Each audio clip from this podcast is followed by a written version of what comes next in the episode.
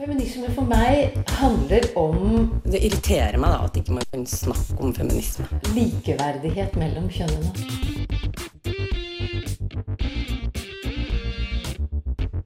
Det blikket på kvinnen på film. handlet det om å bli tatt på alvor som jente. Du hører på Et eget rom på Radio Nova. Kvinnekamp er klimakamp, slik lød en parole under årets 8. mars-tog i Oslo. På tide å se klima og likestilling i sammenheng, er også budskapet til Spire. Men hva er grunnen til at disse to sakene henger sammen?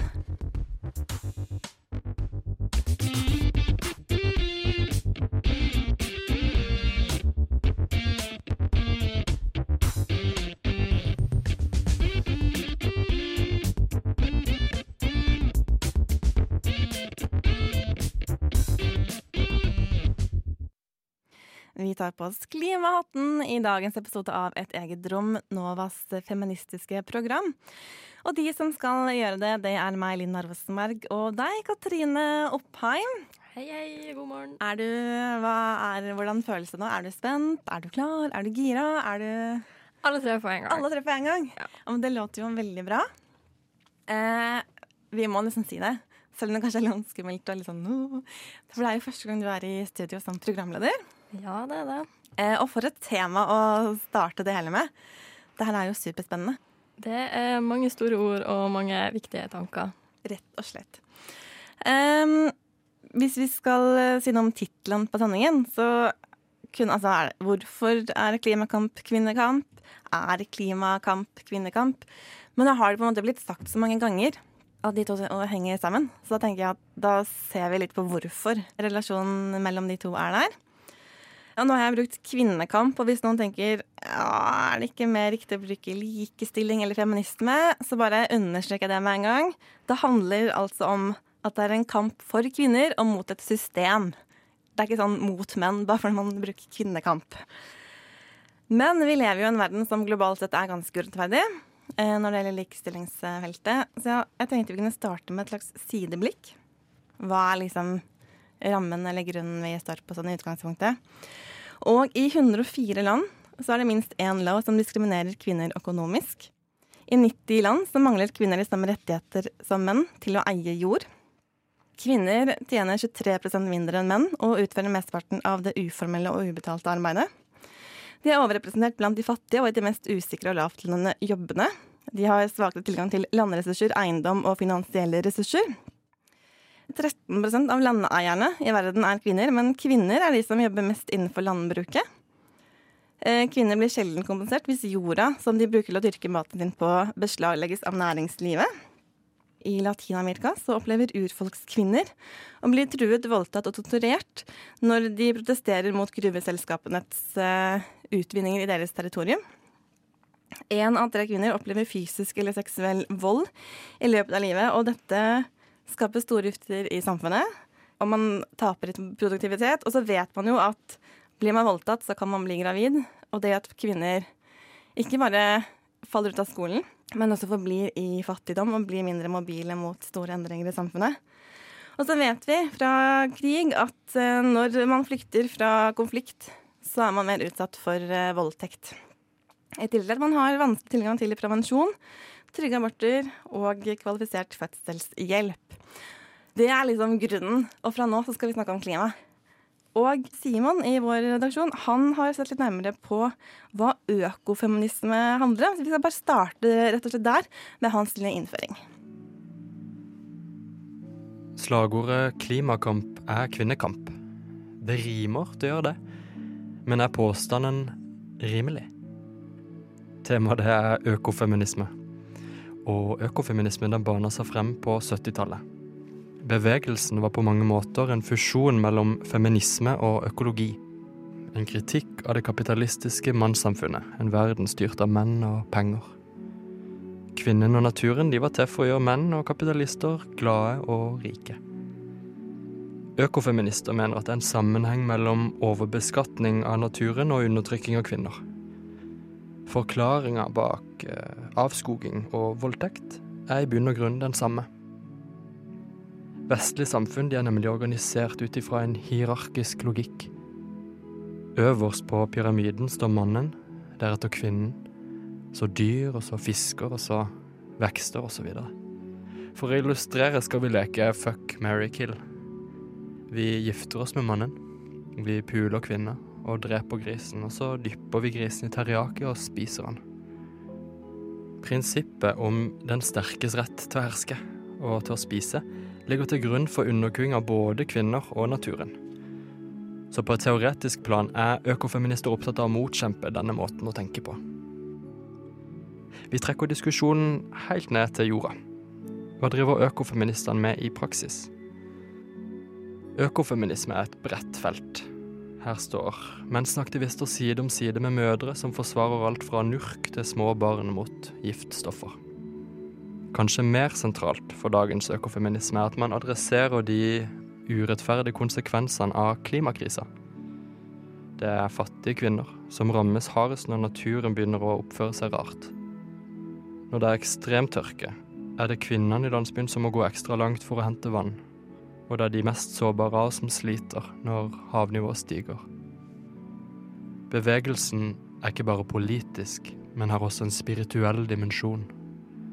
Man ser moder jord og alle verdens skapninger som et organisk hele.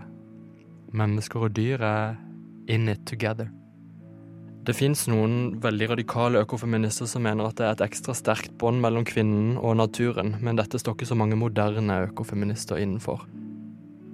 Enten man har fingre, kløver eller røtter, så er alle barn av naturen, og vi må ta vare på hverandre.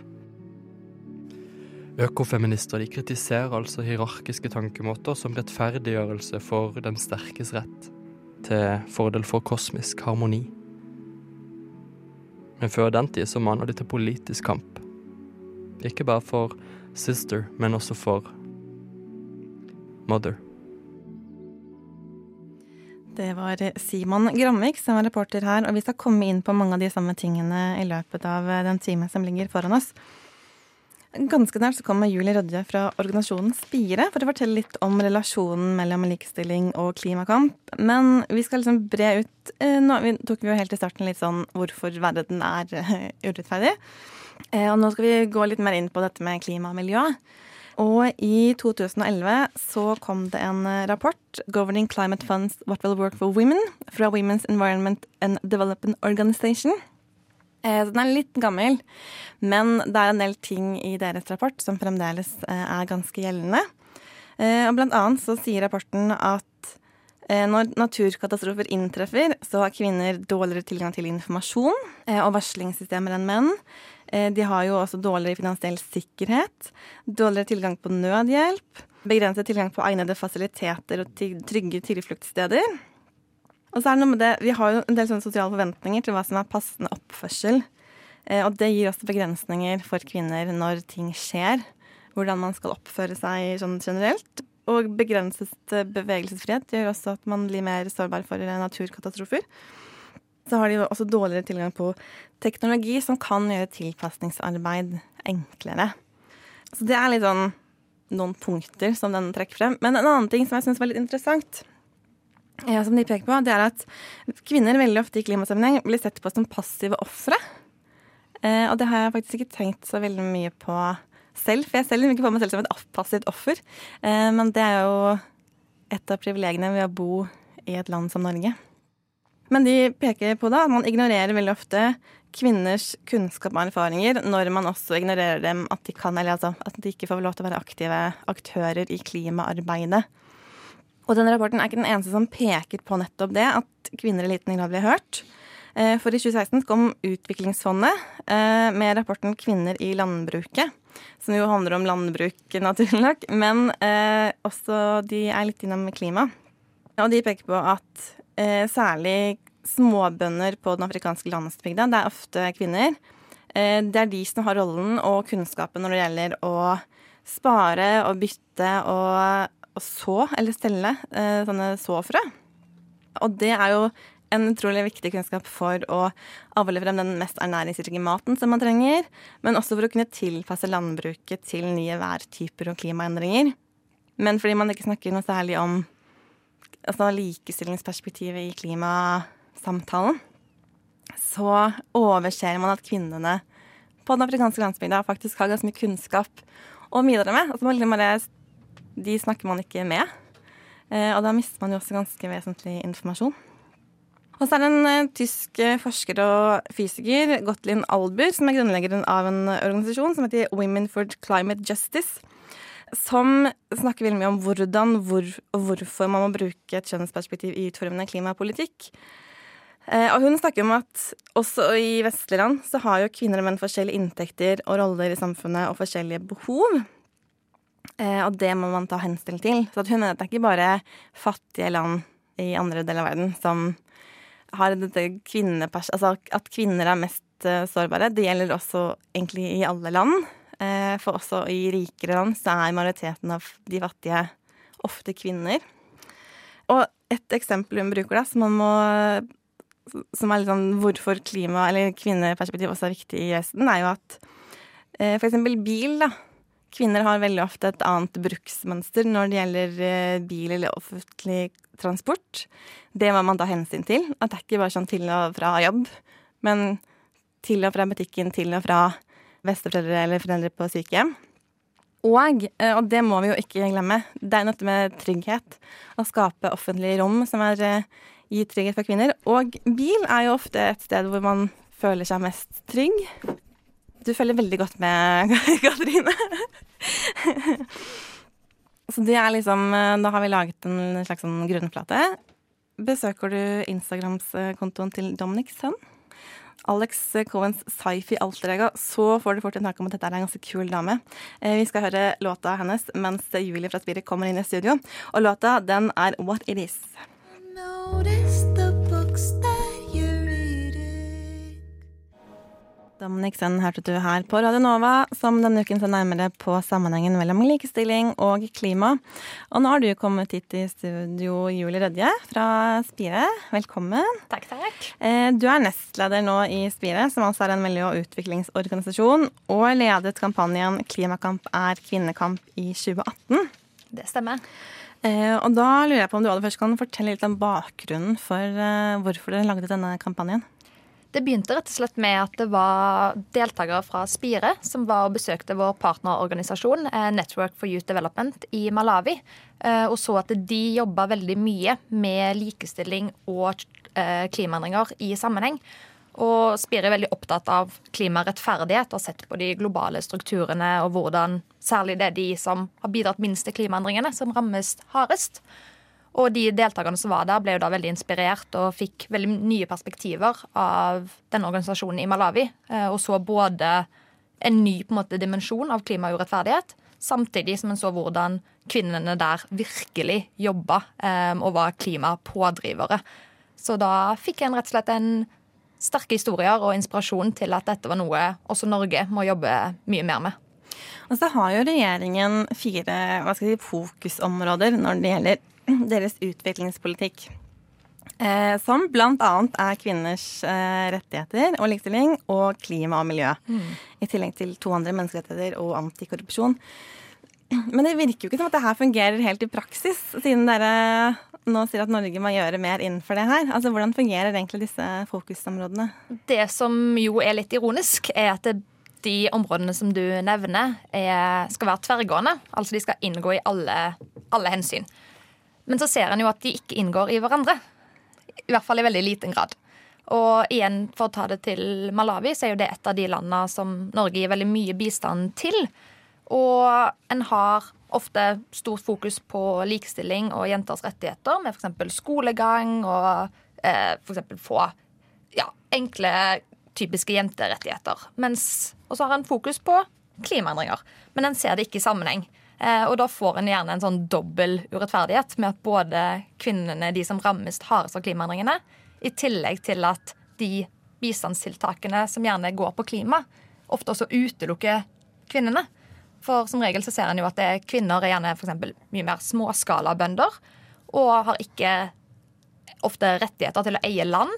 Og dermed så faller de utenfor mange tiltaker som ofte retter seg mot større bondeorganisasjoner eller for de som bare eier land. Ja, for det eierland, det har altså, eh, altså Det er noen fordeler ved det? Er det det du mener? Ja. Eh, Da ofte er det et krav for å bli medlem i organisasjoner eller større kooperativer som får støtte. I tillegg til at en jo også mister økonomisk og sosial forhandlingsmakt, rett og slett. Men én ting er at kvinner i stor grad altså ekskluderes eller ignoreres eh, når det gjelder det her. Men når kvinner inkluderes, gjør det noen forskjell? Ja, det kan absolutt eh, gjøre en stor forskjell. Um, FN har jo anslått at hvis kvinnelige småbønder hadde hatt samme tilgang til teknologi, utdanning, finansielle tjenester og lignende, så kunne en fått opp den lokale matproduksjonen med rundt 30% som kunne fått over 100 millioner mennesker ut av sult. Så det er jo absolutt at en kan få store positive ringvirkninger for samfunnet som helhet. I tillegg til at det selvfølgelig også gjør de kvinnene til å få mer kontroll over eget liv eh, og for deres familie. Så det kan absolutt. Det eneste som er at En må jo også passe på at en ikke reproduserer eh, eksisterende kjønnsforskjeller. For det har en også sett dessverre noen eksempler på. Hvor en har tiltak som skal gjøre det lettere for kvinner å hente vann. Eh, når det blir en utfordring med f.eks. tørke. Det blir lengre avstand til, eh, til vannkildene. Men hvor det rett og slett da gjør at det blir i enda større grad en kvinneoppgave enn det det var tidligere. Eh, Jeg lurer på hvordan du opplever at responsen på kampanjen har vært. Veldig bra. Vi hadde jo denne i våren 2018. Og en ser jo i år også, så var det Kvinnekamp er klimakamp, en av de store parolene i 8. mars-toget. Året før så var det jo vi som jobba for å få den inn, men nå, helt uavhengig av oss, så kom han på på nytt. Og det har jo blitt eh, Vi har fått masse henvendelser, og også en ser at andre organisasjoner, både innenfor feministbevegelsen og også innenfor miljøbevegelsen, har på en måte tatt inn inspektivene. Og det var jo noe av vårt mål også, å se at eh, hvis du er opptatt av det ene, så bør en også være opptatt av det andre. For disse tingene henger sammen, og en er nødt til å se helheten og det store bildet. Dere formulerte jo også noen eh, krav til regjeringen og rikspolitikerne. Og du har vel vært litt innom det, med dette med at man ikke må reprodusere forskjeller. Men, men hvilke andre krav var dere satte til politikerne? Vi mener jo at Norge som en veldig rik oljenasjon er nødt til å ta mye større klimaansvar. Vi kan ikke fortsette med de høye utslippene som vi har, og f.eks. å lete nye oljetillatelser eh, er noe vi mener at en ikke kan fortsette med. Både for eh, klimaurettferdighet generelt i verden, og også da med eh, kjønnsperspektivet. I likhet med økonomiske forskjeller og generasjonsperspektiv. Så det er noe helt konkret. Vi mener også at en må ha mye mer tiltak og midler i, til klimafinansiering og klimatilpasningsmidler. Som må komme i tillegg til eksisterende bistandsmidler. At en kan ikke ta det fra vanlig bistandspotten med mål om 1 prosent av BNP. Dette må komme i tillegg. Så er noen av kravene våre. Det knirker litt. Eh, Det er fordi vi må ha litt sånn eh, Bytte litt mikrofoner og sånn underveis. Eh, Men jeg håper de som hører på, likevel klarer å følge med. Eh, Nå må vi snart eh, runde av. Men det, Julian, dere hadde en, eh, en utstilling sammen med tegneselskapet Jenny Jordal og fotograf Julie Lunde Lillesæter. Hva var budskapet i den eh, utstillingen? I den eh, utstillingen der så fikk vi se historien til tre kvinner fra Malawi som fortalte hvordan de både kjempa for sine rettigheter som kvinner, eh, og også for klimaendringene. Så gjennom dette var da en tegneserie og ekte bilder i en felles utstilling som ga Både viste alvoret i situasjonen, med veldig sånn En kunne føle på kroppen hvor hardt det er når virkelig det kommer flom og ødelegger alle avlingene. eh, Og en ser hvordan det forsterker fattigdom og spesielt da gjør situasjonen vanskeligere for jenter, hvor de gjerne blir de som er tatt ut av skolen først, f.eks., med økt fattigdom. Men også viser det enorme håpet og pågangsmotet, og hvordan vi virkelig må og bør lære av disse kvinnene. For det er ikke passive liksom, mottakere eh, vi ønsker å vise, og det er ikke det de er heller. Det er virkelig aktive aktører som vi kan lære av. Eh, tusen takk, Julie. Vi skulle gjerne hatt deg her eh, kjempelenge, men vi må dessverre avrunde. Tusen takk for at du kom til Radio Nova. Tusen takk. Iallfall ti, og det betyr et eget rom. Du hører på Et eget rom.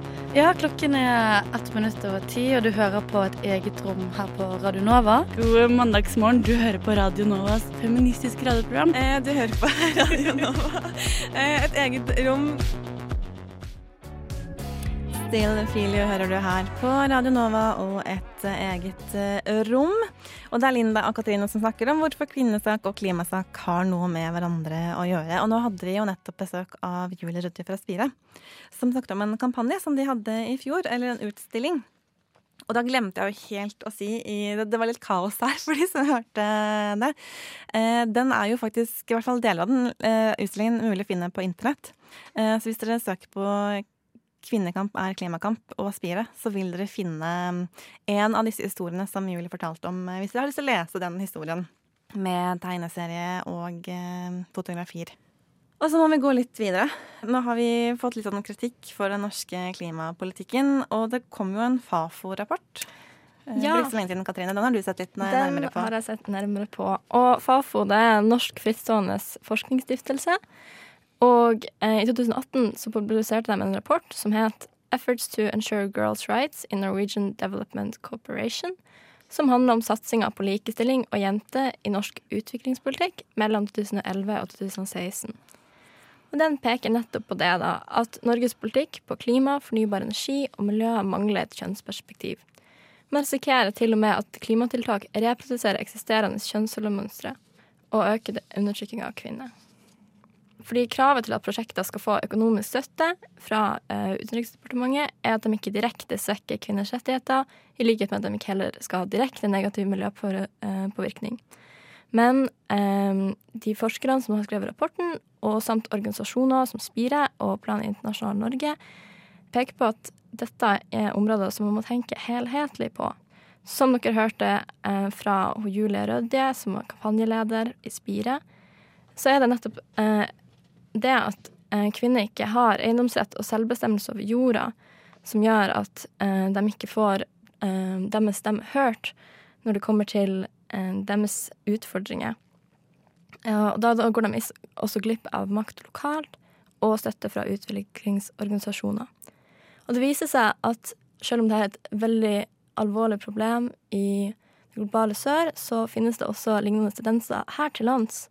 Fordi eh, en forsker som heter Mari Lilleslåtten, ble intervju intervjua av kjønnsforskning.no om eh, sin doktoravhandling som handler om eh, representasjon i forvaltning av utmark og naturvernområder i Norge.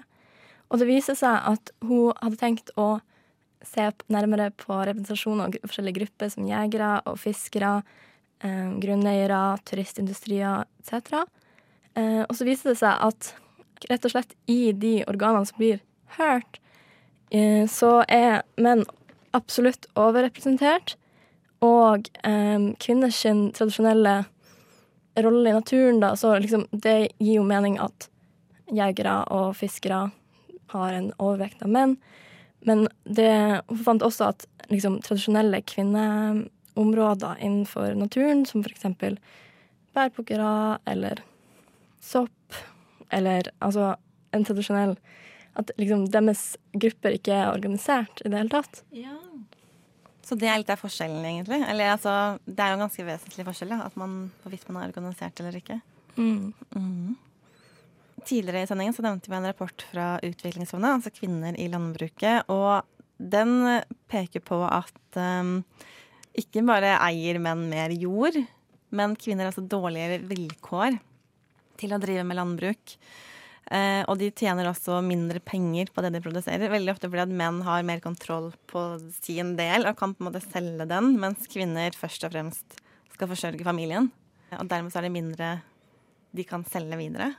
Jeg syns det er veldig slående, eh, også i vår egen mediedebatt, at eh, kvinners stemmer ikke blir hørt i forhold til landbruk. Sånn, eh, nå har vi snakka litt om systematisk undertrykking, hvordan det påvirker situasjonen, da. Men jeg tror også at um, fordi det er mange unge kvinner som snakker ut om klimautfordringer og kampen, og bare den latterliggjøringa og liksom, hetsen de opplever, tror jeg også er symptomatisk for den problemet. da.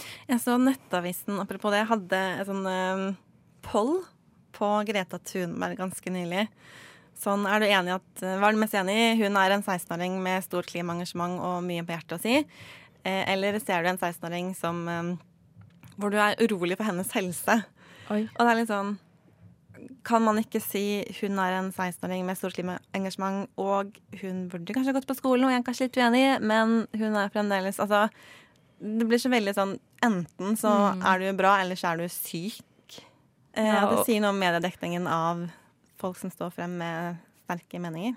Ja, og også hele greia med at hun liksom skal være kontrollert av oven eller av voksne eller av Jeg vet ikke helt hvem. Jeg hørte president eh, Vladimir Putin i Russland eh, som eh, som mente da at eh, man skulle hedre engasjement, men man skulle ikke la seg forlede av eh, de interessene til de som står bak, som er skikkelig sånn Ja, jeg vet ikke. Men her ser man jo også veldig tidlig sånn eh, Hvis vi kan kalle det litt nord-sør-forskjell. Fordi i Norge så har vi jo i hvert fall på papiret en ganske god likestilling, men så har man disse strukturene som likevel liksom spenner litt bein på oss. Ja. Mens i fattigere land så er det jo faktisk slik at kvinner ikke har de samme rettighetene som menn når det gjelder inntekt, eiendom, landbruk, i tillegg til at det er en reell forskjellsbehandling i samfunnet. Og når man da som Norge ikke engang er i stand til å liksom styrke kvinners rettigheter, det er mer fokus på at man ikke skal svekke det som allerede er eksisterende, så skjønner man jo at det er lett å reprodusere allerede fors altså eksisterende forskjeller. Selv om man prøver å hjelpe andre steder i verden. Nå nevnte vi Greta Thunberg, som har klart å bli en av verdens mest kjente klimaaktivister i løpet av ganske kort tid.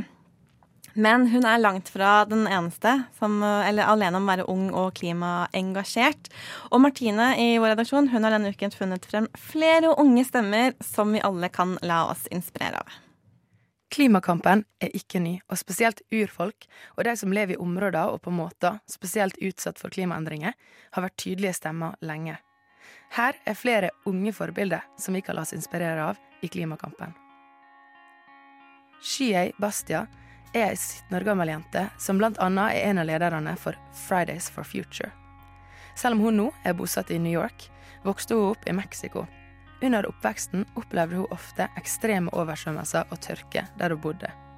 Natur har alltid vært viktig for henne, og hun fortalte i et intervju med Nexus Media at det var etter at hun hadde besøkt Long Island og så at ødeleggelsene etter Superstorm Sandy, som var en stor orkan, fortsatt var vedvarende og prega lokalsamfunnet, at hun ble overbevist om at, og dette er sitert, hvor enn du er, påvirker klimakrisen alle, overalt. Hun sa at etter å ha innsett dette, måtte hun gjøre noe. Mandag den 23. september møttes 16 ungdommer opp på FNs klimatoppmøte i New York. De snakka om de ødeleggende innvirkningene klimakrisa hadde hatt på livet deres, og vil beskytte andre barn mot å måtte oppleve det samme i framtida. En av ungdomsaktivistene var Carlos Manuel fra øystaten Paula i Stillehavet.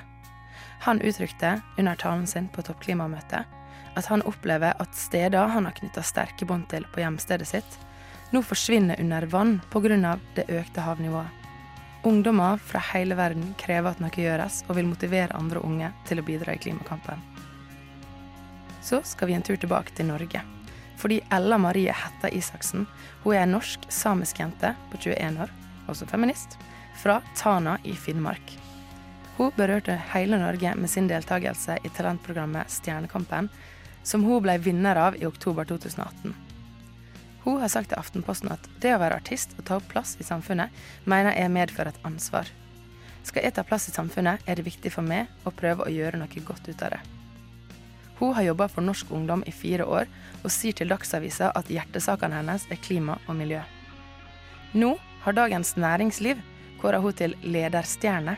Altså er hun en av 30 personer under 30 som de tror kommer til å gjøre verden til et bedre sted.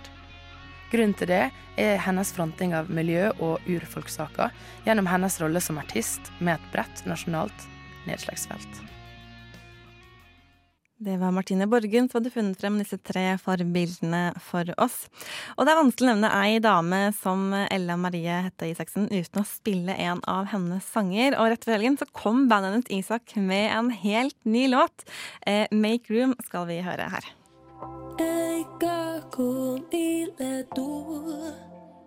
Make Room hørte du her av eh, Isak og fantastiske Ella Marie i front. Eh, Du hører på et eget rom, og det er Linda og Katrine som sitter her. Og nå må vi snakke litt om grønn økonomi, altså økonomisk politikk og virkemidler som tar hensyn til naturens tålegrense og klimaendringer. Og som samtidig reduserer fattigdom og bidrar til likhet og anstendig arbeid. Og det høres nesten ut som en selvmotsigelse. Men da har jeg funnet en rapport, Katrine, som tar for seg dette med grønn økonomi. Ja, eh, fordi vi hører jo stadig et mantra om det grønne skiftet og en omstilling til grønn vekst. Men er det sånn at en slik utvikling overhodet er mulig? Ikke ifølge en stor metastudie fra FNs klimapanel som kom ut i august. I år, liksom? Ja, ja, nå Oi, det er helt, helt, Ja, helt ny? Og ingen har liksom snakka om den. Fordi jeg fant en annen rapport, eh, som nå finner jeg selvfølgelig ikke Jo, eh, det europeiske miljøbyrået, som jeg tror er liksom litt samme greie opp, altså samme opplegget som FN, men jeg er litt annerledes. Som egentlig har samme konklusjon, og den er fra også i år. Og den har jeg heller ikke hørt om før denne uken her. Nei, og eh, Herregud, to rapporter som sier det samme, og ingen har hørt om det! OK, Nei. unnskyld. Fortsett. Ingenting å unnskylde for. Så i tillegg til å oppsummere masse kunnskap som vi hadde fra før, som at en enorm befolkningsvekst og overforbruk fører til så mye tap av natur at det faktisk truer menneskeheten, kommer den med en tydelig løsning. Vi må styre unna ideen om en konstant økonomisk vekst, rett og slett fordi det er sitat, klart og ikke kontroversielt slutt.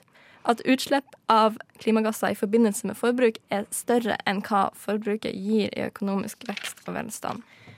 Og de her tankene er jo egentlig ikke noe nytt. Det, mange feminister har stilt spørsmål ved premissene for vekst. Og en av dem er journalist, forfatter og sosiolog Linn Stalsberg, som peker på at likestilling også handler om å verdsette alt det ulønna arbeid kvinner gjør. Dagens samfunn verdsetter ikke omsorg, tålmodighet og arbeid i hjemmet på lik linje med annet arbeid, selv om kapitalismen er avhengig av det her som tradisjonelt har vært tilskrevet den kvinnelige kjønnsrollen. Så vi må egentlig verdsette mer det feminine og altså, Eller litt Ja. Ja, eller- de med kvinnelige oppgavene, eller tradisjonelt kvinnelige oppgavene. Ja, jeg tror det er viktig med tradisjonelt Ja. kvinnelige oppgaver å understreke at det ikke skal være sånn at uh, man skal tilbakeføre liksom, den strenge kjønnsdelinga i hjemmet. Men um, ja, de snakker mer om liksom, en kulturell utskifting av verdier da, og fokusere mer på hverandre og liksom, å ha et godt samfunn, godt inkluderende samfunn for alle. Og f.eks. virkemidler som seks timers arbeidsdag og liksom større fokus på fritid og frihet. Eh, og det har jo også miljøbevegelsen gjort, og prøver også å eh, Har snakka mye om likhet og eh, både blant mennesker, verdien av man mangfold, og verdien av mangfold i naturen, så klart. Og eh, spesielt da eh, Arne Næss i sin dype økologi snakker om eh, likeverdighet mellom alle levende organismer. Og da tror jeg det er en viktig feministisk kritikk, eller påminnelse da for de som lager grønn politikk, og de som forhåpentligvis skal styre samfunnet mer og mer, at eh, som for eksempel eh, Agnes Bolsø, som er professor for eh, tverrfaglige kulturstudier på NTNU, og hun peker på at minoriteter og utsatte grupper sine interesser ikke må underordnes det store klimaspørsmålet. Så vi må fokusere på en grønn politikk som lytter til kvinner, lytter til urfolk, funksjonshemmede, immigranter, og som tar hensyn til klasseskiller. Det er ei som heter Hanne Svarstad, som forsker ved utviklingsstudiet på Oslo OsloMet. Hun skrev en kronikk i Dagsavisen i 2012. Eh, og hun har sett på en del rapporter bl.a. fra UNEP og OECD. Eh, og hun mener da at når hun ser på disse rapportene, så er det et eksplisitt Altså det er et fravær av et fokus på likestilling. Eh, og at man rett og slett glemmer å snakke med folk i de områdene hvor man skal gå inn og jobbe med grønn vekst og grønn økonomi, særlig altså i fattigere områder. da. Eh, så man kommer liksom inn som en bulldoser og skal liksom redde verden, og det skal være grønn vekst og grønn økonomi, og så overkjører man totalt f.eks. minoriteter da, og urfolksgrupper. Som jo er et utrolig viktig perspektiv å ta med seg. Hadde du mer eh, poenger? Nei? da kan vi jo hoppe videre. Jo, én ting. Eh, for det har vært litt sånn Det finnes altså diskusjon generelt eh, på flere steder. Altså er grønn vekst egentlig mulig? Og noen peker på at ja, men den er bare lokal, så reelt sett så eller globalt sett har den ingen effekt. Eh, men Norad har funnet noen, eller de har noen eksempler. De er sikkert for, for de er jo under regjeringen.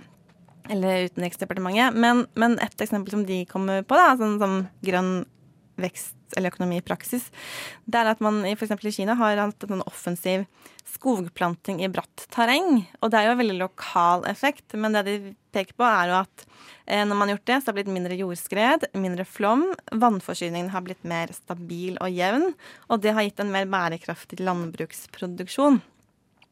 Og så kan du si på andre siden ja, men man øker jo bare produksjonen. Mm. Så grønt for å komme dit, men er selve produktet Altså, det kan man jo Det har jeg ikke noe Men jeg tror det skjer ganske mye interessant utvikling i liksom, økonomifaget og samfunnsfag generelt å snakke om sirkulær økonomi og mer fokus på å gjenvinne de råvarene vi allerede har tatt opp av, eller høsta da av naturen, tatt opp av jorda, og eh, skape et ideelt sett utslippsfritt samfunn. Så eh, oppfordringa til Agnes Bolse da å være oppmerksom på hva partiene sier om sosiale forskjeller og sosiale hierarkier når man skal stemme. Altså, kan man, det kan man jo kanskje stille spørsmål. Er vekst, selv om den er grønn, det man egentlig trenger? Når man vet at flere mennesker, mer matproduksjon, mer konsum er liksom hovedårsaken til at ting skjer i utgangspunktet. Altså Jeg har ikke noe godt svar på det, men eh, det hadde vært interessant eh, å høre fra en, eh, en klimaøkonom, eller grønn økonom. Ja. Eh, men det får vi kanskje spare til en annen gang. Eh, en fargeklatt på Norges musikalske maleri, slik låt beskrivelsen av kvartetten Solvind for noen få år siden. Progpop, postrock, indiepop, riffbasert progmusikk. Det er mange beskrivelser på dette bandet, og det funker på sin måte. Ekko sang Solvind her på Radio Nova. Nå har vi snakket mye om flere ting innenfor klima og likestilling. Eh, Jeg vil bare nevne noen korte ting før vi begynner å avrunde. Og det ene er jo at man snakker jo om at klimaendringer gjør at man vil få nye flyktningstrømmer. eh, Og at dette med klima og ja, nytt vær kan føre til nye konflikter. Og det vi ikke har nevnt noe annet enn helt i starten, det er jo at man vet at eh, kvinner på flukt de er ekstra utsatt for vold og overgrep. Eh, og det, tenker jeg det må vi ikke glemme å snakke om når man snakker om konsekvensene av eh, klimaendringer.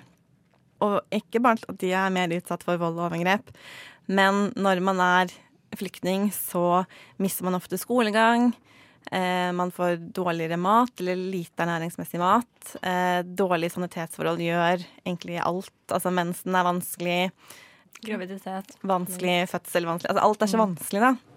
Det er noen konsekvenser som vi ikke har sagt om, men som er helt, helt reelle, men som kanskje blir litt glemt når man snakker om effekten av klimaendringer.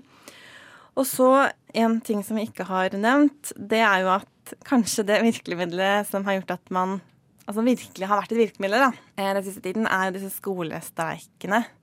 Altså det er det som har måttet til for at globale ledere skulle faktisk høre på unge aktivister da, i, over store deler av verden.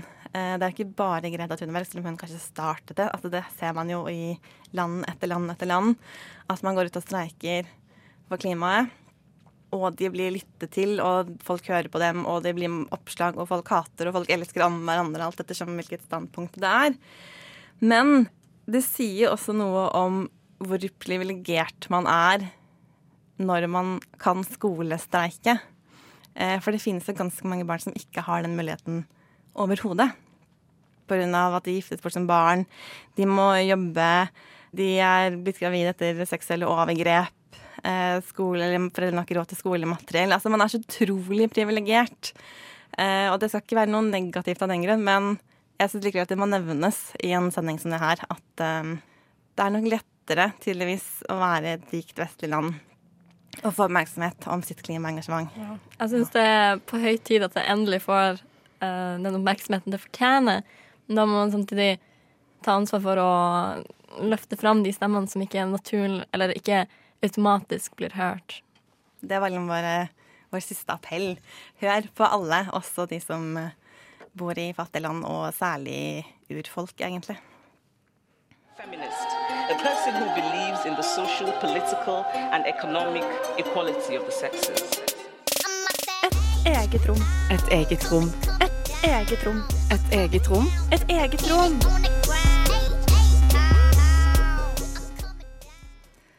Vi må runde av eh, her på Radio Nova med et eget rom. I studio har hørt Katrine Oppheim og Lina Therese Rosenberg. Bidrag har vært fra Simon Gramvik og Martine Borgund. Og hvis du lurer på hva du skal gjøre de neste dagene, så har jeg to tips. Fordi onsdag klokken 19 så er det feministisk leseliste på Deichmanske filial på Grünerløkka, hvor Helene Uri og Kristin Fridtun skal snakke om klassikeren Egalias døtre av Gerde Brantenberg.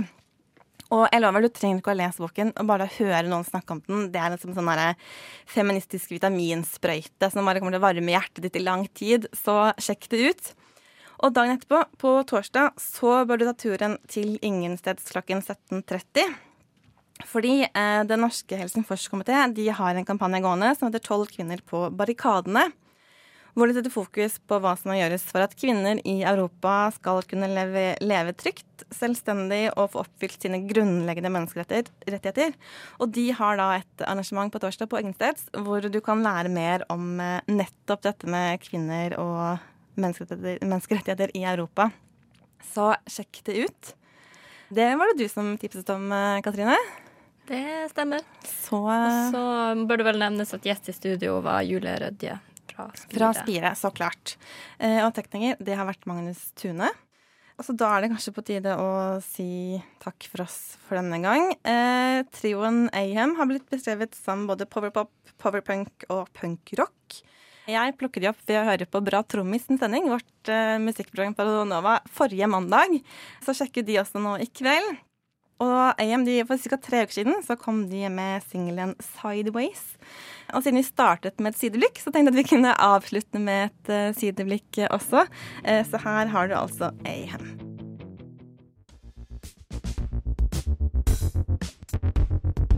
Du har hørt en podkast fra Et eget rom på Radio Nova. Vil du høre mer? Sjekk ut Et eget rom på Facebook, Instagram eller radionova.no.